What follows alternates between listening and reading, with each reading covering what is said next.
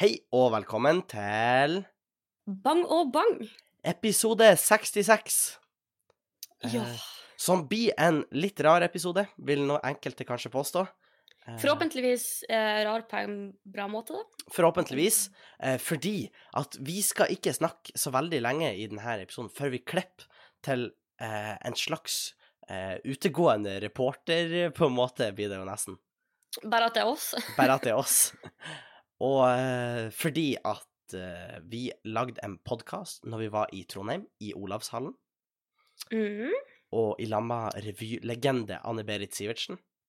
Ja, jeg tror kanskje det var min drøm mest, faktisk. Ja, og nå har vi hatt det, så da, da har vi jo pika. Det er jo litt Jeg syns det er litt synd, eh, litt synd faktisk. Eh, man hører jeg er sjuk, men litt synd at vi ikke fikk mer tid med henne, fordi at vi skulle ha ei teleforestilling. Så Ja, altså travelt i helga at Ja, ikke sant. Nei, men eh, vi skal ikke si så veldig mye om den, for folk skal få høre etterpå. Mm. Men jeg tror det har vært gøy. Det var noen morsomme historier som har vært delt der. Eh, noen nær dødsfall innenfor revysammenheng, eh, som er veldig gøy. Det er alltid artig. Alt er veldig gøy. Men jeg tenker, vi kan jo bare oppsummere, for det er jo ikke sikkert at lytterne egentlig helt har fått det med seg det som har eh, virkelig skjedd her. Fordi at sist gang vi podda, så var jeg i Oslo. Ja, det har jo skjedd ting. Det har skjedd ting. Og jeg var egentlig der for å gjøre en eh, mini-standup-turné i Østfold. Det er jo travelt nok da, vil jo kanskje noen si. Det vil enkelte si, men ta meg i rattataen og kall meg for Nils, for plutselig fikk jeg muligheten til å være med på livestreamen til eh, NRK 4 etasje. Ja, Og tenke seg til. ja, tenks til, og det er jo en YouTube-kanal jeg har fulgt meg på lenge, som jeg syns er dritartig. Så det var dødskult å få være med på livestreamen der. Og jeg fikk se NRK-bygget. Jeg vet ikke om du har vært på NRK-bygget, Sofie? Det er... Uh, nei, egentlig ikke. Nei, jeg fikk bare egentlig være i første etasje og i de Men var du ikke i fjerde etasje? eh, Nei, fordi jeg flytta ned i første etasje, faktisk. Å, er det egentlig en hemmelighet? Uh, nei, det tror jeg ikke. Men eh, de har noe, da. Og unnskyld, jeg må bare unnskylde at jeg har totalt fucka stemmen, men jeg er de luxe forkjøla. Men the show must go on, ikke sant? Ja, true that. I hvert fall. Jeg var der, og vi spiller inn en livestream nede i kjelleren, og kjelleren til NRK er dritsvær, Sofie. Det har kjørt biler der nede, i kjelleren, Oi, for å komme seg fra punkt A til punkt B. Liten referanse. på en ekstremt kul måte. Ja, på en ekstremt kreativ måte. En liten uh, referanse der. Uh, så Nei, men det var, det var dritsvært, og det var dritkult å få være med. Takk. Uh, jeg tviler på de hører på. Ja, for hvordan gikk det seg egentlig til? Ja, da, da, var egentlig sånn på Instagram at eh, hun Martha, som er den andre i fjerde etasje, fordi jeg bare to nå, var syk. Så da sa han Jonas at eh, kanskje det hadde vært kult Han Jonas, som er den andre i fjerde etasje, uh, utenom Martha, sa at ja, kanskje det hadde vært kult å ha med noen uh, seere. Så han la ut på Instagram om det var noen som var interessert. Som er en ganske kreativ måte å hente inn noen vikarer på. Og da skrev jeg at ja, jeg er faktisk tilfeldigvis i Oslo. Jeg kunne gjerne ha tenkt meg til å være med. Det hadde vært dødskult. Og Ja. før jeg visste ordet av det, så fikk jeg melding tilbake at hei, vi vil gjerne ha deg med. Har du et telefonnummer vi kan kontakte på? Og så var det i gang. Ja, det er et slags uh, hva, liksom Skrev du en eh, pitch, eller noe sånt? Jeg liksom uh... Jeg kan gå og se hva meldinga var. Uh, for jeg skrev ikke bare 'yo, forbi meg'. Nei, tenk, da, For da var det sikkert mange som gjorde. Ja. Men de ble jo ikke valgt, ikke sant? Ikke for Nei, ikke å liksom slemme de som ikke ble valgt. Eller jeg starta med meldinga med 'yo', faktisk. Og Jeg ja, skrev- litt, sånn- litt sånn ungdommens språk. Yo, egentlig fra Nord-Norge, men er i Oslo i forbindelse med at jeg gjør standup i Østfold denne uken. Hadde vært veldig kult å være med. Stor fan. Eh, jeg er forresten 18 også, for da var noe de spurte etter. Uh, fordi hvis ikke så må foreldra signere og sånn her. Ikke sant? Eh, og så fikk jeg melding tilbake. Hei, det høres veldig kult ut, å bli med, bli med. Som er stas. Nice. Det er veldig stas. Så jeg jo var der, og så var det liksom jo- Gjorde standup i Moss på kvelden, da. Og så var det liksom bare tidlig opp dagen etterpå og dra til Trondheim og møte Svie. Ja. Eh, Så når du trodde at ting ikke kunne bli bedre, Ja. så bare steig det. Ja, bare steig og steig og steig. Uh, ja, da gjorde det jo faktisk, fordi jeg fikk jo også at jeg faktisk skulle få være med på showet i Olavshallen. Jeg tenkte egentlig på at du møtte meg, men OK. Ja, ja, men sånn i tillegg til da, det er liksom bare boom, boom, boom. Ja, det er sant. Da kom eh, liksom Det var, det var eh, Gode nyheter på eh, på gode nyheter. Ja, på gode nyheter. På sånn automat. Sånn så Ja. jeg fikk være med på forestillinga og hengt med det backstage. Og spilte inn podkast og opptredde i Olavshallen, som var dødskult. Det var kult. Det var liksom store scener og full pakke, så det er jo eh, Det var dritkult. Det var nesten 4000 solgte billetter fordelt på Ja, det er ikke noe man gjør så ofte, liksom. Nei. Med mindre man er Lankerevyen. Ja, ikke sant? Eh, fordi de er faen meg gærne på Ja, de står jo i Olavshallen, liksom. Å, fy faen. Men uh, Ja. Nei, men kosa meg enormt i Trondheim. Uh, ikke bare var det kos å få være i Olavshallen, jeg fikk hengt masse med Vilde, som også opptredde i Olavshallen. Nok en uh, god nyhet Ikke akkurat en god nyhet, for da visste du kanskje på forhånd, Ja. men nok en god ting. Nok en god ting. Jeg fikk helst på foreldrene til Andreas, Ja. som var veldig koselig. Jeg har aldri møtt dem før. Nei, det ikke mamma eller pappa heller, Nei. så da var jo et stort øyeblikk for oss alle. Nå skal jeg jo bare ærlig innrømme at jeg var kanskje ikke den som prata mest med de der. For da var nok Nei, men det var vel ikke det de kom for å møte Nei. spesifikt heller. De syntes det var hyggelig å møte, men Ja, eh, jeg syns det var veldig hyggelig å møte de. De var veldig hyggelige mennesker. Ja, det var et veldig vellykka møte. Jeg tror var jeg var liksom Jeg var faktisk litt nervøs på forhånd. Um, men samtidig så var jeg på en måte Jeg og Andreas har vært lag såpass lenge at hadde ikke måte foreldrene våre vært en sånn sykt god match, så kunne vi på en måte ha sett forbi da, ikke sant. Ja. Men, eh, men det gikk veldig, veldig bra. De kom veldig godt overens. Det Cracka jokes og Ja. Og vi liksom. da på tross av at vi ikke komme inn på den egentlige plassen vi skulle spise, fordi vi rett og slett var for mange, Ja, vi endte jo opp med å være sånn ti stykk. eh, som er jævlig lættis. Men vi fant jo en bra Altså, jeg syns det var god mat der vi havna. Ja, det var sånn, Alle dere andre kom litt tidlig til den avtalen vi hadde. Så når jeg og Andreas kom, så sto på en måte bare dere utfor, Ja. litt sånn forvirra og slapp ikke inn. Vi så ut som noen malplasserte dørvakter utfor der. Og vi kom fram til at hvis vi bare venta lenge nok og sa til alle som hadde lyst til å komme inn, at nei, det er fullt der inne, så hadde det jo blitt plass til oss til slutt. Ikke sant? Det må jo det, hvis ingen slipper inn og folk bare kommer ut. Så Ja, ikke sant? Eh, Så vi vurderte er jo da massebevaring. Vi vurderte jo da en liten stund, og så fant vi ut at nei, det er jo faen ikke helt greit. La oss være ærlige her. Ja, og så var det heldigvis en restaurant rett oppi gata som hadde Ja. plass til alle. Og der var det en vel Jeg spiste en eh, meget god burger. Ja, Bror Burger kan anbefales til Ja. dere som eh, befinner dere i Trondheim. En meget god kyllingburger der, altså. Og ja. Kos meg gløgg i hjel. Ja. Og Vilde var med da òg, som er veldig koselig. Ja. Eh, Hun er jo en del av familien, hun òg. Ja. Da var hun jo òg når hun ble med på Leos lekeland på søndag. Som er litt fucked up at vi for dit for å henge, Ja. vi gjorde jo det. We returned once again. På et punkt var vi litt bekymra for at vi nesten hadde flere voksne enn barn som skulle inn der. Ja. eh, og det hele toppa jo seg når vi så han bak disken. Og hvordan våga han å befinne seg der etter det han gjorde? Jeg sier bare de som veit, de veit. uh, men i hvert fall uh, Da skulle vi ikke fikk tak i han. Ja, fy faen. Han skulle ha vært banka. Han skulle jo da. Jeg tror ingen der egentlig syns noe Ja, om det. Henning, vi fikk faktisk et uh, spørsmål fra en lytter angående det besøket til Leos lekeland. Okay. Uh, for hvordan Bring var da, uh, kanskje særlig for det, å være tilbake der etter liksom den PTSD-en og det du opplevde sist? Oi, fikk du faktisk spørsmål om det?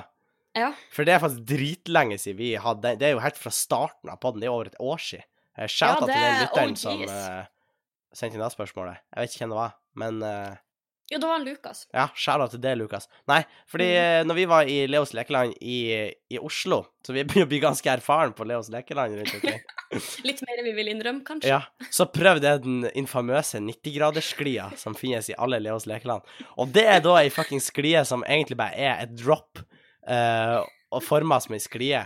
Det er sånn uh, Du kan tenke deg til liksom sånn fornøyelsespark for barn møter Helvete. ekstremsportveko. Ja, OK, det var ikke. Ja. Det om da. Jeg følte men... at jeg var eh, i helvete, fordi jeg ble jo brent av jævelskap når jeg for nede. Fordi at da jeg ikke leste, jeg at Eller jeg vet ikke, nei, jeg tror ikke det skiltet var der i Oslo, men i Trondheim så var det jo sånn Ikke brems, la deg falle, sto det. Og da Og det er faktisk på et punkt Jeg 1000 sikker på at det er faktisk fritt fall. Ja, ja, det er du er For den går rett ja. ned midt i, liksom. Det er ingenting annet enn et fritt fall, Sofie. Altså, det der er jo sånn Det er sånn, du må på en måte akseptere at det kan hende jeg dør. Jeg hadde ikke Jeg, jeg hadde ikke jeg, jeg prøvde den ikke nå i Trondheim, men i Oslo gjorde jeg jo det. Igjen. Etter mye press fra dere andre. Let it be heard. Fordi at dere sa faktisk 'Jo, Henning, prøv den'. Prøv den. Nei, sa vi? Ja, da husker jeg godt. Og da var det en skikkelig dårlig vurdering av oss. Og jeg for opp dit. Og jeg slapp meg ned. Og jeg hadde vel ei, eh, en gjennomsnittsfart på sånn 160 km i timen ned der. Ja, Og- som du oppnådde på sånn eh, et par meter. Ja, og jeg prøvde febrilsk å bremse, og det er klart at da brente jeg jo av med kroppsdeler, og hud ble flerra av. Og det var intenst, altså. ambulansen kom kjørende inn, henta det ut på Du har- båret. Du har sett det bildet fra Vietnamkrigen hvor det er sånne unger som sprenger fra napalm? Nei, handling. Det var litt sånn jeg følte meg da. Ja. Jeg har sagt det før, men jeg tror kanskje ikke du har hatt så veldig masse motgang i livet. Men det OK, Sofie, jeg har ikke sett det tatt den sklia. Og når Og det er sant, da kan jeg love deg, da kommer du aldri til å få Nei, nettopp. Så fram til da så tror jeg du skal gå veldig forsiktig i gangene, Sofie. Fordi da du gjør nå Du kaster Du, du kaster fjell i, i glassbyer akkurat nå. Det er da du gjør. Ja. Liten metafor der, altså, eh, Ja, på kveldinga. er veldig bra. Ja. Men det var jo eh, Så vi kan, men vi kan jo konkludere med at eh, tidligere utfordringer til tross, så var det et vellykka besøk til Leos lekeland. ja, ja, ja. Vi kosa oss masse. Eh, flotta oss på Leos lekeland. Runde med omvendt gjemsel. Flere runder. Selv om han pappa tror at vi fremdeles leter. Ja, eh, flere runder. Eh, jeg var deluxe forkjøla, så jeg jo rundt sånn i Lea på Leos lekeland. Og det er ikke helt bra å sprenge rundt Jeg er sånn veldig på sikker Leos på- lekeland. At jeg ble forkjøla i Leos lekeland. Jeg er veldig sikker på at enkelte trodde tenkte sånn Herregud, hvem er han her? ja, og da var en ting jeg følte så veldig på når vi leker omvendt gjemsel. Ja. Eh, og jeg hadde på en måte sett meg ut av perfekte skjulesteder. Omvendt gjemsel er da at en gjemmer seg, og skal de andre finne den personen, og når de finner den, så skal de gjemme seg i den. Ja, så det er egentlig sånn eh, Alle står, og én gjemmer seg. Eh, og når Korrekt. de som står, finner den som gjemmer seg, så bare gjemmer de seg helt til det på en måte er én igjen. Så det er ja, omvendt gjemsel. Men du gjemte eh, min opplevelse var at jeg hadde på en måte Vi var selvfølgelig i ene enden. Dette er et veldig stort lokale. Og så, hadde jeg på en måte, så var det jeg som fant gruppa sist en runde. Og jeg, men det gikk fint, for jeg hadde liksom sett for meg det perfekte gjemmestedet, og det var bak liksom den sebraen i helt andre enden. Ikke av lokalet. Eh, så jeg spurta jo alt jeg hadde. Det var liksom tidenes intervalltrening. Mm. Um, Og når jeg kom dit, kjempebra, stupte under, gjemte meg bak. Men når jeg på en måte hadde ligget der noen sekunder, så kom det plutselig masse unger sprengende. Er Eh, og med gøy. dem tre par fedre. Eller ikke tre par fedre. Tre par fedre. Oi. Eller ikke at det Eller ikke er kunne lov, vært. Det kunne men det, er- det, er- det, det er liksom tilfeldighetene Det er skal ha det til. fedre Ja, det er mange, mye fedre per kvadratkilometer. Ja, eller per kvadratmeter, for da liksom plutselig står Ja, de altså, alle da står de jævlig tett, de fedrene, hvis det er per Men det var liksom plutselig alle rundt den si, uh, eh, Nå ble jeg veldig sånn dyreforvirra. Uh, Sjimpanse, sjiraff Eh, uh. Sjiraff? Nei, sebra. Hva er det som feiler? Men ja. Um, og når jeg lå der, plutselig var det liksom masse barn og veldig skeptiske fedre. Og da Jeg tror sjelden jeg har følt meg så creepy, for der lå jeg liksom sammenkrølla og kikka opp på de ungene som klatra på sebraen. Det var liksom et lite øyeblikk så vurderte om uh, hva det hadde vært da, å være den creepy personen, for å ikke bli funnet. Du var litt sånn Vil dere ri på sebraen? Nei, ja. Men jeg tok en lynkjapp avgjørelse, meg en annen gjemmeplass, Ja. og eh, ja, det ordna seg. Good call. Ja. Uh, vi skal faktisk begynne å runde av, fordi vi skal klippe til episoden med H. Anne-Berit. Eh, men før da så har vi en very special announcement i podkasten. Ja, og da er en nyhet vi har gleda oss lenge til å fortelle dere. Oh yes, fordi vi lanserer julekalender i år. Bang og bang julekalender. Um, da er da at vi, eller dere, eller alle vi, sammen teller ned mot jul med at jeg og Henning daglig poster um, Hva skal jeg kalle det? Videoer? Eller ting. Eller lydfiler. Ja, eh, sannsynligvis blir det videoer, men de er litt forskjellige temaer. Vi prøver liksom hjelpe dere litt inn i julestemninga, men i hvert fall så kommer det daglig nye Da, det kommer til å komme daglige poster på Patrion, i hvert fall. Vi kan ikke Ja, love ja. at alt er videoer, men det kommer i hvert fall daglige poster. Ja, og da er jo en viktig detalj, fordi alt det her kommer til å foregå på Patrion. Patrion.com slash bang og bang. Og om du ikke betaler og er Patrion, så skal ikke du frykte, fordi at noen av videoene blir tilgjengelig for alle, men mesteparten Ja. blir tilgjengelig for Patrions. Ja, Men uh, da trenger du heller ikke å fortvile, for det som går an å gjøre, er å bli Patrion uh, på én dollar Mm. i desember. Da koster det ti kroner. Og så kansellerer du abonnementet ditt når du er ferdig med julekalenderen. Nå er det jo ikke veldig markedsstrategisk av det å vise den løsninga, men la gå. Vi er ærlige med dere. Hvis du bare har lyst til å henge med oss i juletida, så er det også helt greit. Vi setter pris på det òg. Men vi, det vi kan informere om, er at mens vi er hjemme i juleferien, så har vi planer om å spille inn ganske mange flere videoer Mm. som også kommer på Patreon, så da kan det være lurt å kanskje holde litt igjen på den kansellerknappen. Eh, så, så det er egentlig da uh, Slippes selvfølgelig 1. desember. Uh, blir første luke. En luke per dag på Patrion. Har vi et fast tidspunkt? Da har vi ikke. Da blir litt for mye pressure, eh, rett og slett. Så eh, jeg tror vi avholder meg da. Eh, men da skal vi egentlig bare sette over til eh, da vi spiller inn med hun Anne-Berit Sivertsen i Olavshallen. Så vi håper dere liker da, og så håper vi vi ses enten i julekalenderen eller i podden i neste uke. Da gjør vi Så da setter vi over, og da kan vi si adjø fra oss, og welcome uh, to Henning. til Olavshallen. Ja, og velkommen til. Olavshallen og Henning og Sofie from the past. Vel bekomme. Hei. Hei og velkommen til Bang og bang. Og Sivertsen. Ja! Der, der er vi på hugget. Veldig bra. Da, det her er da en bonusepisode, og da ønsker vi hjertelig velkommen i studio gjest Anne-Berit Sivertsen. Tusen takk for at jeg fikk komme. Tusen takk for at du kom. Det er jo superstas å ha det her. I det her Be, det betyr mye for oss. Det betyr mye for oss. Eh, og for de som eh, ikke kanskje vet De, de fleste vet, men de, eh, det, det, For vi er da i Olavshallen på et sånn Det beste fra norsk revy-arrangement. Og da tenkte vi at da må vi jo ha med en eh, Jeg vil faktisk gå så langt til å påstå en legende fra det norske revymiljøet. Ja, jeg, Og Hvis det er noen som er revy for meg, så er det Anne-Berit. Ja. Så- da, det, du kan jo bare si, fortelle kort om deg sjøl, Anne-Berit. Hvem, hvem er du, og hva slags revylag tilhører du? Det er kanskje interessant. Da. Ja, jeg var Anne-Berit Sivertsen og er fra Lånkerevyen. Ja. Det er da- Lånke er jo ikke så veldig kjent, men eh, flyplassen Værnes, den, vi kikker rett bort på den. Det er bare tre-fire kilometer dit. ja. Og Lånkerevyen har eh, deltatt på Norsk revyfestival på Høylandet siden 1993. Ja. Ja, og da kom man dit litt sånn eh, store Da liksom hørte at dette var NM, og så plutselig så han, han ene deltakeren vår så han gikk jo rett til finale. Og da ble det litt sånn blod på tann, og vi begynte å liksom tenke hvordan kan vi få oppleve denne fantastiske følelsen igjen?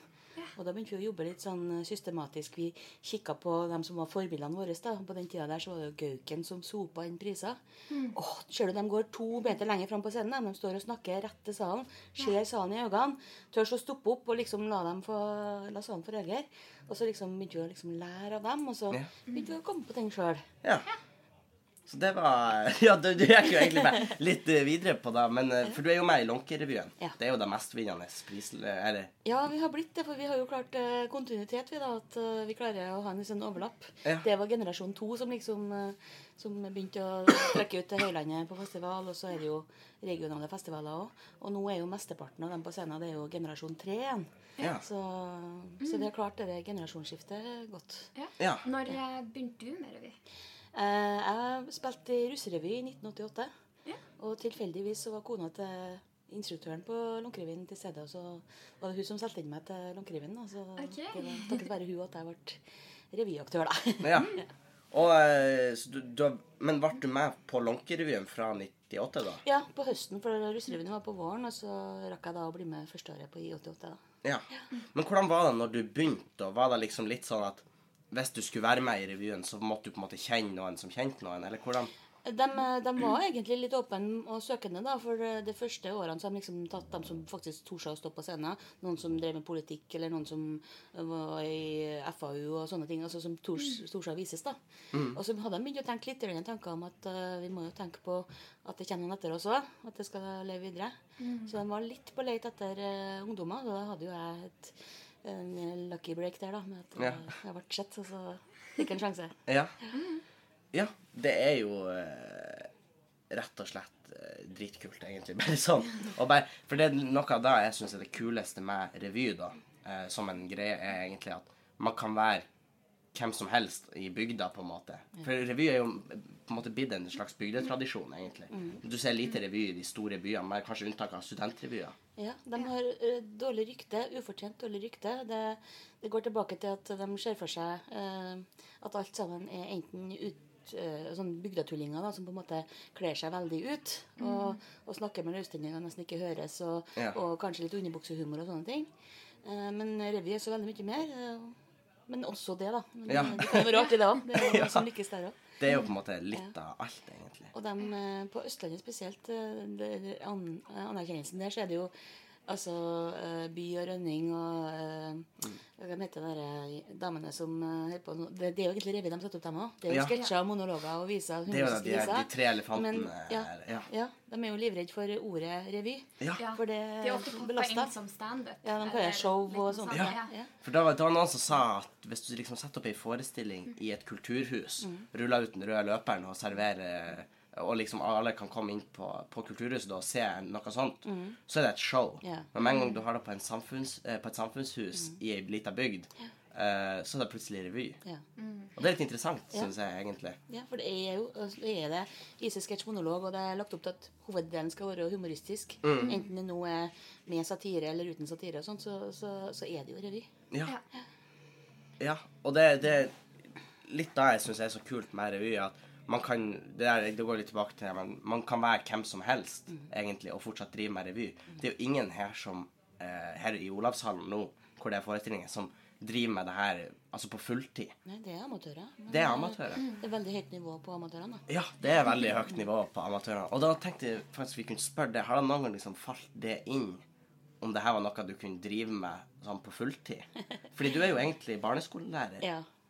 Eh, som aktør så er jeg ganske sånn bevisst på at eh, jeg vil bare ha godbitene. Jeg vil liksom kunne velge hvordan jeg opptrer, så da velger jeg revyen og sånt. Jeg vet jo at de som satser på skuespilleryrket, f.eks., det er det samme som reklamerer for uh, Tena-bind på TV-en, og, og som er nødt til å stille opp på et arrangement hvor folk er skitfulle, du må inn på klokka 11 og sånt. Du må gjøre veldig mye for å, for å livnære deg, da. Så akkurat aktørbiten, den uh, har bare vært sånn at uh, jeg har verdens beste hobby, og, og den gruppa jeg vil være i.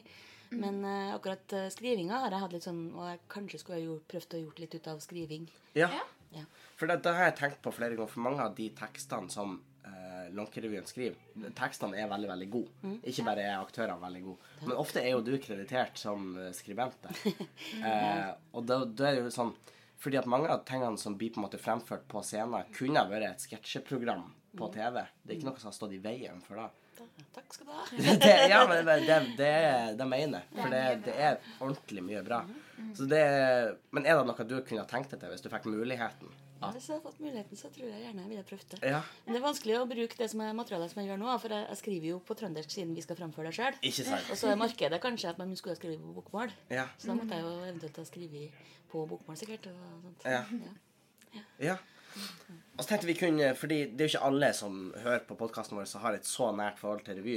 Eh, men det er jo da sketsjer, monologer, sanger, eh, i, i, med, gjerne med humor. Det trenger ikke å være humor. Nei, eh, du kan godt eh, behandle Jeg er litt glad til at eh, hvis man vil si noe viktig og alvorlig som man faktisk mener, kan du gjøre det også humoristisk. Mm. Ja. For jeg syns det er eh, altså du, på, du er i god stemning, det var en artig sketsj, og så kommer det inn et alvorlig nummer, og nå skal Ja. det bli trist, for det her er Ja. forferdelig. Det er krig i, krig i verden, liksom sånn. Da, liksom, da daler jo stemningen. Ja. Kan du få sagt det du vil si på en måte som ikke blir verken uh, kjempetrist for salen eller moraliserende, at de må forandre dere og sånn. Ja. Kan man gjøre det. Så, i, på Høylandet i år hadde vi f.eks. med et nummer hvor vi, vi ønska jo at folk skulle eh, registrere seg som organdonorer. Ja. Men vi prøvde å gjøre det på en måte så at det ikke var sånn at her kommer det fram et menneske og holder på å dø, og det er Ja. ingen det er nyre å få finne. liksom, altså prøv å finne en annen løsning på det. Prøv å pakke deg inn litt, sånn Ja, at Uh... og vi skrev en låt hvor dette var noen sånne småhumoristiske linjer. Ja. Altså, ja. Og den låten var også veldig sånn Den var veldig sånn feel good, egentlig. Ja. Man på en måte satt der og fikk en god følelse. Mm, Men samtidig som at når man tenker tilbake på den teksten, så skjønner man jo at det er et viktig tema også. Mm. ja. Og om, jeg syns også at det nummeret plast Ja. som er med Ja, her også, ja. det er også gjort på en skikkelig Ja. Mm. fin måte. For det er et viktig tema. Det er veldig alvorlig at det havner plast i naturen og i havet. Og, Og så de- levende og, og glødende og artig. Ja. Men du får en liten sånn etterpå, så blir du, du henta inn på en måte at uh, det er det at du klarer å hente inn salen på det, tankene dine i stedet for at du skal presse på dem noe sånn. Ja. Moralisme og sånt. ja. Definitivt. Og så syns jeg jo at eh, Nå drar jeg jo frem da hun kjæresten min, da, for eksempel. Hun Vilde i Ja. Mallangsrevyen. Men den eh, Vi har det bra nok, for Ja. eksempel. -hmm. Derfor, den er også, Det er mye humor i den, Ja, mhm. eh, men man prøver på en måte å si noe samtidig. Og jeg er helt enig i at hvis man skal ha en sang på revy, prøv å gjøre den så humoristisk som mulig. Eh, Oppløftende gladlåt. Ja. Gjerne velge muntre melodier i stedet for å gå rett i balladen, for nå er det trist. Her her. Ja. Ja, veldig. og så er det egentlig nesten eh, enda mer eh, Du må på en måte være enda dyktigere for å klare å pakke noe inn på den måten og klare å si noe uten å bli gravalvorlig. Ja. Det er på en måte ekstra lag der. ja. Ja. Det er litt vanskeligere, det er riktig. Ja, det er litt vanskelig. Jeg tenkte jeg skulle spørre, eh, fordi at på revyforestillinger så altså Det er jo manusbasert da som foregår i stor grad. Og, Men av og til så skjer det jo feil. Enten under forestillingen eller rett før. Så jeg tenkte jeg kunne spørre hva er liksom den største blemma som har skjedd før forestilling eh, hos dere? Eller hvis det har skjedd noe stort eller sånn, litt sånn krise kanskje dagen før, eller om det er på dagen, om noe skjer. Har du noen sånne historier? Ja, øh, Hvis det er liksom krise, så er det vel at strømmen gikk, da. Sånn eh, Ja. ganske tidlig nummer. Da var det jo bare en klein pause og litt Ja. stearinlys ei stund sånn. Ikke sant? Eh, men en, eh, kanskje en morsommere episode er jo at man av og til faller for, for fristelsen til å gjøre noe som medspillerne ikke er helt forberedt på. At man Ja. improviserer litt. Ja. Det er f.eks. et nummer som vi spiller som eh, heter for Dårligsketsjen. Ja. Som eh, er da en sånn uh, tragisk, Shakespeare-aktig skuespill hvor at uh, noen aktører vil slutte å spille, og noen tremer til at vi skal fortsette å spille, og så ender det opp med sånn grusomme dødsfall. Ja. Og jeg skal da uh, si en artig kommentar med at, til den som har dødd før meg, at jeg sparker borti den og liksom har litt dramatisk dødsfall og får ikke liksom nok plass. Så jeg sier at uh, flytt deg da, Roger, jeg skal dø, jeg òg. Ja. Og så tenker jeg en brøkdel av et sekund at det ser sikkert artig ut hvis jeg detter oppå den. Men det publikum eh, som hører på podkasten, ikke da ser, da, det er at uh, jeg skulle jo egentlig vært uh, 2 meter og 50 centimeter høy. Det er jeg ikke. Så det var ganske kompakt. Og stakkars Roger har også litt sånn helseplager med rygg og sånt, så det var jo egentlig en nær døden-opplevelse for han. Og med samme løye så Oi, dette her blir jo faktisk farlig! Og så begynner det de toene som står bak i båten ingen som ikke har eh, Det skjedde Ja. noe med da. De, de knekker jo sammen og begynner å flire. Og så tenker jeg så Jeg tør ikke å flire ennå, for jeg vet ikke om han lever omtrent. Så man på en måte da hører at han faktisk puster, da. Spille videre. Åh, det Denne er episoden er heldigvis eh, på film, da. Så. Og Roger lever i beste velgående. Ja. det er jo faktisk kjempegøy. Ja. Og når vi kom av scenen, da, så skal jeg liksom forklare hva jeg tenkte. Da. Så, jo, men når man spiller revy, så skal man jo så man skal jo liksom by på seg sjøl. Da bygde jeg på, da bygde jeg på en Roger, jeg. På vegne av Roger. Ja. Her har du. Det der var jo på en måte akkurat det jeg lette etter. Det det var da vi hadde håpa på. på. var for det der er jo kjempeartig. Jeg vet ikke, Sofie, kommer du på noe sånt som har skjedd hos oss? Sånn krisetype dagen før-opplegg?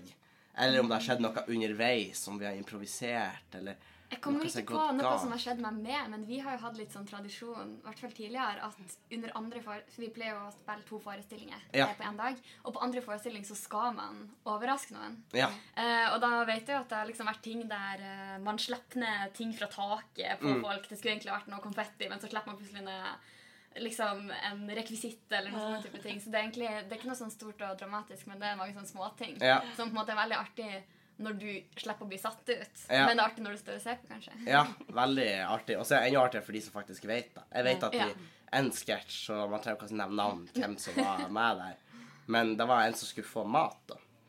Suppe. Eh, og i første forestilling var det vann. Men da var det ikke på andre forestilling. Da var han mye sterkere. Eh, og han reagerte eh, etter da sånn oh, han, eh, Den som gjorde det. Og da skjønner de i salen at eh, det der Ja, var ikke vann. Nei, det var ikke vann. Uh, så det er jo gøy. Og så kommer jeg på, for jeg vet ikke om du husker Eller jeg vet ikke om du har sett Den Wrecking Ball. Ja. Det Ja. har skjedd. Kult. Den der Den hadde eh, så langt som at de faktisk laga den svære riggen. Og. Ja. Men det er jo Tjongsfjorden eh, berømt for, da. Det er de fantastiske Rekvisittene. deres. Altså, all ære til Jo. folkene folkene All ære til han Bård, som har bygd de her rekvisittene. Eh, men da når vi hadde den på nordnorsk, Mm. eh, så fikk jeg vite i ettertid at når de hadde For da var jeg heisa ganske langt opp under taket. Mm. Og da fikk jeg vite i ettertid at de to som holdt den kula, og sørga for at den holdt, de holdt på mest miste taket. Eh, da visste ikke når jeg satt der oppe, eh, men det var visstnok typ hadde de måtte holde Noen sekunder til, Ja, noen sekunder til, så hadde jeg Helt dette. uforberedt. Ja. Og da kunne jeg blitt sjokkert, for jeg var jo ikke sikra på den ballen heller. Så da var det kun å klamre seg for livet. Eh, så det er det eneste jeg kommer på sånn. Ja, på det nummeret også, var jeg alltid livredd for at et eller annet skulle skje, sånn at du plutselig kom svingende fremover. Og krasj i At vi skulle ha fått det i bakhodet, altså. Ja. Ja, det blir verst for deg. Ja, Ja, det er verst for- deg. det For meg, Da var det jeg som var Roger. Åh, gud. Oh, nei, det er jo veldig, veldig gøy. Eh, sånne episoder, syns jeg da. Eh, jeg vet ikke hvordan dere gjør, det, fordi av og til hvis man har eh, Eller jeg vet ikke eh, Når du er med på revy, hva slags roller har du typisk da? Har du hatt For jeg har sett det i både sketsjer og sanger, men har du hatt monologer noen gang? Ja, men uh, jeg liker best å spille sammen med andre. For Ja. jeg, jeg liker å være den derre at du har den derre at det er noen å hvile seg på, det er noen Ja. å reagere på og sånt. Ja. Så det er ganske lenge siden jeg har uh, tatt på meg monolog. Altså, Mm. Men jeg har eh, spilt det tidligere, ja. Det, Jeg si sånn, for det, det er jo litt på det uforberedte. Det med improvisasjon er jo kanskje lettere i en monolog eller, enn en sketsj, men si ikke det, det var ganske Ja. artig å improvisere. Ja, var og særlig det med Roger er jo kongen av impro. Altså det der. Eh, men jeg skulle, fordi mange av numrene deres er jo ganske sånn absurd og rar. Men er alt planlagt på forhånd til fingertuppene? Eller har er det noen nummer som liksom er blitt prega at noe er blitt gjort på impro? Og så, å, det var kjempegøy. Ja, det er sånn øvelsesperioden. Altså, det er ingen tekster som er hellige. Så det, det liksom starter med at noen har en grunnidé. Ja. Og så er det liksom sånn bare bidra med Kommer du på en artig replikk, så ja, så tar heller den enn den som var originalt. Ja. Det er jo sånn, veldig sånn at uh, De fleste er jo både tekstforfatter og uh, aktører, da, så det er ikke sånn Hva har du rørt ved min hellige tekst? Liksom. Nei. Vi får ikke den reaksjonen der. Vi skjønner at nummeret skal bli best mulig. Ja. Så, og da er det mye eh, ting som dukker opp under øvingene, og som preger det. Og så er vi liksom Et nummer er aldri ferdig. Så, Så at uh, man kan utvikle det videre og ja. Ja, definitivt. Og eh, mange nummer blir jo kanskje enda bedre etter man har spilt det et par ganger. Ja. For da finner man ut hva som funker, og kan file da eventuelt ned. Også hvis man finner partier eller poeng som virkelig sitter, så kan man jo eventuelt bygge på de. ja. Der har vi faktisk en kjempefordel i Lånkerevyen, for vi spiller jo på et uh, relativt lite forsamlingshus med sånn småbord. da. Så vi har jo sånn uh, 130 personer inn på hver forestilling. Eh, og vi får faktisk spilt eh, sånn I høst spilte vi ni forestillinger Ja. på et lite hus. Og så, så er det noen andre som spiller på kulturhus, og ja, vi har spilt for 3000. Ja, har Lånkerevyen spilt for eh, 1200, liksom. Men, eh, men, eh, men eh, da får vi spilt flere ganger, og får utvikla under i spillperioden, spillperioden også. Ja. Teste ut noe nytt. Ja, kanskje vi skal gjøre det. Nei, det funka ikke så godt, det. Da går vi tilbake. Eller Ja. at man utvikler videre. Så det er veldig mye læring i det med at man spiller mange forestillinger. Ja. Samme numrene. Dere er jo litt heldige, for vi har bare Vi har to forestillinger, men det er på samme dag, så du får på en måte ikke gjort så mye med Men ender man opp til meg da med at av og til første forestilling kan være ganske forskjellig fra siste forestilling? Ja, det kan den være. Eh, Noen nummer blir, da går i riktig retning og blir bedre og bedre. Og Ja. så skjer jo det andre også at eh, å, vi koser oss så på scenen at uh, numrene som starter med å være tight og fire minutter omtrent, de ender opp med å bli åtte minutter. Vi skulle jo klippa litt. Ja, sånn, vi må begrense litt. Men vi har jo leka oss mye underveis. Ja. Så er det jo heldigvis, hvis vi skal spille på noe på festivaler, så er det jo mulighet til å OK, da må vi bare se på det, og så klippe Ja, ja. Ta bort det som vi har tatt med som kanskje var litt for mye. ja. Hva, hva er ditt personlige favorittnummer? Um, Sånn Dårligsketsjen er jo viktig i mitt liv, da, for det Ja. er jo utrolig artig å spille den Var, rollen der. var du med og skrev den? Nei, den skriver han Harry Morten, men Ja, den er da Morten, sånn ja. Altså, han skrev den sånn at alle de som er med på det, har liksom forma den litt sånn i forhold til sin rolle og utvikla Mm. Ja. sin rolle, så den føles som alles produkt, men det er han som er tekstforfatteren. ja. For til de som ikke har sett den, så kan man gå på humorportalen.no og Ja. søke på bare 'dårlig sketsj', Ja. eh, og så finner man den. Og det er en av de beste sketsjene jeg har sett. Ja, den er den er skikkelig, skikkelig kjempegøy. morsom. Og, men jeg tror den er enda artigere hvis du har gjort litt revy eh, fra Ja, før. for det er jo basert på at uh, du vet om at eh, ting kan være ganske kleint, og, at, Ja. eh, og den følelsen av at herregud, at de ikke kan begrense Herregud, at hvorfor er jeg nødt til å spille dette her? Du må liksom Ja. ha den der følelsen der i bakhodet. Når vi spilte det først, så var det ganske sånn en ny type humor, da. Litt sånn sært og sånt. Så vi hadde eh, veldig sånn todelt saler. Eh, Vi hadde liksom sånn noen som holdt på å skikkelig daua av latter. Og så var det noen forarga med sinte øyenbryn og så Herregud, og så har de tenkt eh, Er det en som virkelig har tenkt å, å gå ut av nummeret her?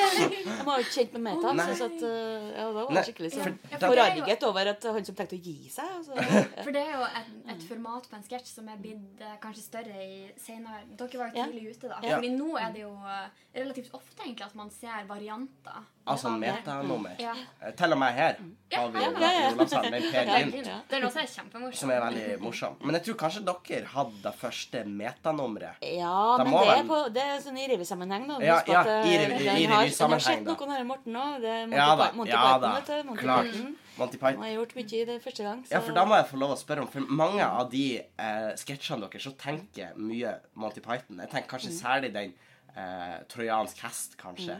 For det er noe med den dialogen som er noe veldig Monty Python. Er det en inspirasjon? Og så uh, Monty Python uh, de vi som holdt på den generasjon to, vi, vi så mye på Monty Python. Mm. Trojansk hest er jo uh, tredje generasjon, skrevet av tredje generasjon og fremfor Ja. tredje generasjon. Men altså, Monty Python har jo påvirka humormiljøet Ja, ja, generelt, så alle får jo med seg det. Det er ikke sikkert du vet at det har opphav i, i dem, liksom. Men også dem også var jo ikke altså Det var jo folk som drev med det samme som dem òg, men det er bare dem ble størst. Ja, Størst og best. det er klart. Eh, vi har en liten spalte her som vi bruker å ha. Har du lyst til å ta del i den? Hva er den spalten? Den heter Ungdomsråd av og med ungdom. Ja, det syns jeg virkelig passer. Veldig fint. Vi tar den før jul, for eh, i januar så blir jeg 50. Men 49 det er ganske ungt. Det er nesten Du til. er ennå en del av 40-19. Ja. Jeg skal finne den Nei, nå. 30-19 blir det faktisk. Ja. Jeg skal finne det miljøet. For da sier er greia, da Jeg vet ikke hvor kjent du er med nettsida ung.no. Ja, jeg har eh, husker at jeg har hørt spalta deres. Ja, så For da går vi på ung.no, og så finner vi en henvendelse som noen har sendt inn, og så svarer vi etter beste evne på den. Og jeg tenkte den her passer egentlig ganske godt i og med at du er lærer. Eh, For det her er da sendt inn av gutt 19, og tittelen er 'Rektor kom inn på rommet mitt'. ja. Ja. Eh, Så sier han hei. Jeg hadde en hendelse for noen dager siden der jeg ikke møtte på skolen pga. sykdom. Dette medførte at rektor og med medlærer dro på, bus, uh, på bostedet mitt, hybel som er lei, og gikk inn i leiligheten min og storma inn på rommet mitt. Dette oppfatta jeg som en krenkelse på privatliv, for de hadde ikke gitt beskjed om det her på forhånd. Er det lovlig? Og i og med at du jobber i skoleverket, så lurer jeg på Er det lovlig å bare storme eh, bostedet til noen som ikke kommer på skolen? Jeg jobber jo ikke som advokat. Det er vel en rettssak. Kanskje det er en sak om juss? Ja, det er kanskje en sak for juss. Ja. eh. Nei, jeg vet at det er sånn i forhold til sånn uh, liksom uh, ikke få dropouts i videregående. Ja. Så det er veldig mange videregående skoler og sånt som er veldig sånn aktivt på å ringe til dem som ikke Ja, dukker ja. opp og sånt. da. Men det hørtes ganske, ganske Ekstremt. Og stormrommet. Ja. Det er nesten som en razzia. vet du. Du Så gått det litt samme vi er her, så kan vi også sjekke litt om Ja. det finnes noe ulovlige Vi går til ekstreme tiltak for å hindre fravær i videregående skole. Eh, storm. Det er en politisk avgjørelse. Vi Ja. Så du, med andre ord, altså nå underviser jo du på barneskole, eh, men du har ikke storma noe Nei da, de holder seg på plass, åtteåringene. Jeg sender dem ut på en liten løpetur hvis, de, eh, litt, hvis jeg vil ha litt fri. Men eh, Jeg tenker at Du trenger bare å storme rommet til én person én gang, og så skjønner Ja. resten at det der eh, gjør du da går ryktet. Ja. It's about sending a message. Ja, Det er it's liksom about sending a message. det er, Du sender en ganske klar melding. Da. Eh, men spørsmålet han stiller, er jo er om det er lovlig, og da tror jeg på ingen måte at det er strengt tatt. Eh, Nei, inn i, inn i heimen til noen. Det, ja, det er ganske ekstremt. Jeg tror ikke det er noen andre sånn arbeidsplasser hvor sjefen kommer sånn og så inn i døra og er sånn Er du ordentlig syk? ja, Er du syk? Ja, for han sa jo at de storma inn. Han sa at de storma inn, og det er ganske intenst, egentlig. Eh, hvordan, hvordan er det som du som lærer eller, Men du er lærer på barneskolen, Ja, da. da. Men, men tror du at du hadde catcha noen hvis de sier at de er syke og ikke er syke? Ja, jeg har Men da er det egentlig eventuelt noen sånne foreldre da, som egentlig Ja. vil ha barnet sitt eh, med på noe annet og sånt, og som mm. ringer inn dessverre, som har mistanke om for at du hører at Ja. de er sett i Trondheim, liksom. Sånn, Ja, sånn, sånn. For da har de veldig små barna, da. Ja. Så de har på en måte ikke en mulighet for å, for å jukse til det sjøl, liksom. Nei, ikke sant? Nei. Men Men det er nok noen eh, foreldre som gjerne vil ha med dattera på en kosedag med shopping og sånt. så du, du, du hører meg da med en gang? Nei, altså, det, er for får jo, hvis jeg får høre rykter om at de er sett, da, Ja. og sånn, og så, nei, jeg ligger hjemme med feber, og så er du i Trondheim, liksom. Så finner du det litt sånn CSI-opplegg. Ja. Du. Nei, jeg ser, jeg ser er der, din luring. Er det lov å spørre, altså Det er jo taushetsbelagt, men er det lov å si hvis man har uten navn, hva er liksom det sykeste som har skjedd på skolen? Er det, er det innafor å spørre? Nei, altså Jeg vet ikke om jeg har egentlig en god historie på det. Det er, jo, det er jo veldig forskjellige ting som skjer. Det er jo litt sånn det, mange, det blir mer i retning i tragedie, da. Altså Å, oh, ja. hjelp. at Nei, men altså at uh, det er mange unger som uh, har egentlig mm, behov for annen hjelp enn det lærerne kan gi i forhold til, Ja. til uh, relasjonsskadde barn og sånne ting. Det er ganske sånn trist og tragisk, den Ja. skjebnen. Og da er det jo barnevern og sånt Ja. i saken òg, så det blir mer det. Det passer ikke så godt. Nei, det, det, det, det, det, det har vært veldig Vi tenker på veldig- Roger, og så blir vi på han og flirer. Det er bra vi har revy på sida. Ja, det var han ene fra studentrevyen i Tromsø han fortalte han har vært i en klasse, for han er lærerstudent. Og så har han vært i en klasse, og så har de har bråka mye, da. Mm. Og så har han funnet ut et triks, for hvis han sa én, to, tre, så svarer de 'nå kommer en beskjed'. Og da ble det helt knust. Stilt. Eh, Men så var det en dag folk bråka, og så har en unge kommet fortvila til han, og så har han sagt sånn 'Du må si en, to, tre, eller så er vi ikke stille. Vær så snill'. Er sin egen verste fiende. Men Ja. de må bare si en Og det er litt gøy når, når For man hører sikkert veldig mye Barn sier jo veldig ofte da de tenker, bare sånn med en gang. Eh, uten å helt tenke om er da innafor. Men hvis vi skal gi noen råd til han som hadde rektoren stormende inn, hva kan vi tenke? Bunkers inne på rommet? Liksom eh, sperre døra? Ja, Da er det jo å slå på innsida. Ja. Da kommer vi ikke gjennom. Nei, Eller, eller så tenker tenker sånn liksom at du drar på skolen, altså. Ja, bare drar på skolen. Da har du jo løst problemene. Kommer ikke stormende hjem hvis du er på så- skolen. Eller hvis du virkelig vil lære han lærepenger, finn ut hvor rektoren bor. En dag, en dag han er syk, så bare rett inn. Og! Er du frisk? Ja, er du frisk? Eh, og bare tar den. For da har du snudd den. Jeg tror ikke han kommer tilbake da. Nei, det tror jeg. Da, plutselig da blir plutselig lærerne å møte opp. Det er ikke noe sykefravær da. De, de tør ikke da. Jeg tror vi må runde av, for det er ikke så lenge til neste forestilling. Vi vi skal skal spille en til. Hurra! Ja, hurra. Men skulle vi ha tatt den andre spalten vår også? Ja, veldig kjapt, kanskje. ja. Eh, Det er litt, du er jo litt uforberedt på den, men vi bruker å gi et filmtips per podkast. Ja. Har du en favorittfilm som du vil dele med lytterne? Ja, det er mange bra filmer. Akkurat nå så er det mer serier. Kan jeg ta det? Ja, Ja. serie. Kjør. Eh, nå går det f.eks. både Castle Black har kommet med serie to, sesong to. Castle Rock. Det. Castle Rock, men- med, med Ja, det Stephen King. Ja, men det er Stephen eh, King. eh, Stephen King, ja. ja. Den er bra. Ja. den er er bra. Ja, og så den derre eh, His Darkest Matter. Den er litt interessant. Det er jo egentlig for uh, det er sånn, eh, Sikkert for dem som er 13, men eh, Ja. jeg er jo kjempeung. Sagt, Du er jeg er jo, ja, jeg er jo 30-19. Så det, ja. den er jo sånn Det er han Philips, Phillips, han uh, fantasy-fyren som døde for noen år siden, som eh, har skrevet en sånn massiv sånn serie med en som heter Lyra, som eh, ja, som, Å, det er jo basert på Det gylne Ja, kompass, ja, ja, ja. For den nye serien på HBO bra, Det er gode skuespillere. Så ja, den jeg har hørt er veldig bra, og at den gjør en mye større tjeneste til bøkene enn en, enn enn filmen. filmen. Ja, Ja. ja. Jeg. Det, og det her kan du se på HBO? HBO, begge to, tror Ja. jeg. Så da må jeg liksom sånn vente. Jeg kan ikke binge det, liksom. Det må, Nei, for de slipper en og en episode. Det er litt irriterende. Men det er- Men men samtidig, samtidig er det det er litt, det er litt godt Ja. også, for Jeg tror det er for vårt eh, eget beste. Ja, for Jeg, jeg, jeg jeg, begynner i hvert beste. fall hver gang jeg får muligheten. ja, ikke sant? Det var, veldig, det var to veldig gode tips, faktisk. Jeg skal eh, i hvert fall få se den i Starkest Matters, for den har jeg hørt mye bra om. Tusen takk for at du ble med. Setter veldig pris på deg. Eh, og vi, vi tar deg gjerne med tilbake hvis, vi, får, hvis vi får muligheten. Jeg Kanskje jeg har tenkt meg til nordnorsk. skjønner du, da. Det er jo ikke nordlending, men Nei. som publikummer neste år. Så ja. Til nordnorsk på revyfestival? Ja, se. Ja, veldig gjerne. Er man nerd, så vil man jo gjerne. se. Ja, ikke sant. Nordnorsk skriver er jo fantastisk. Ikke sant? Eh, tusen takk igjen, eh, Anne Berit. Og så sier vi bare til lytterne våre adjø. Ja. Ha det bra. Hei,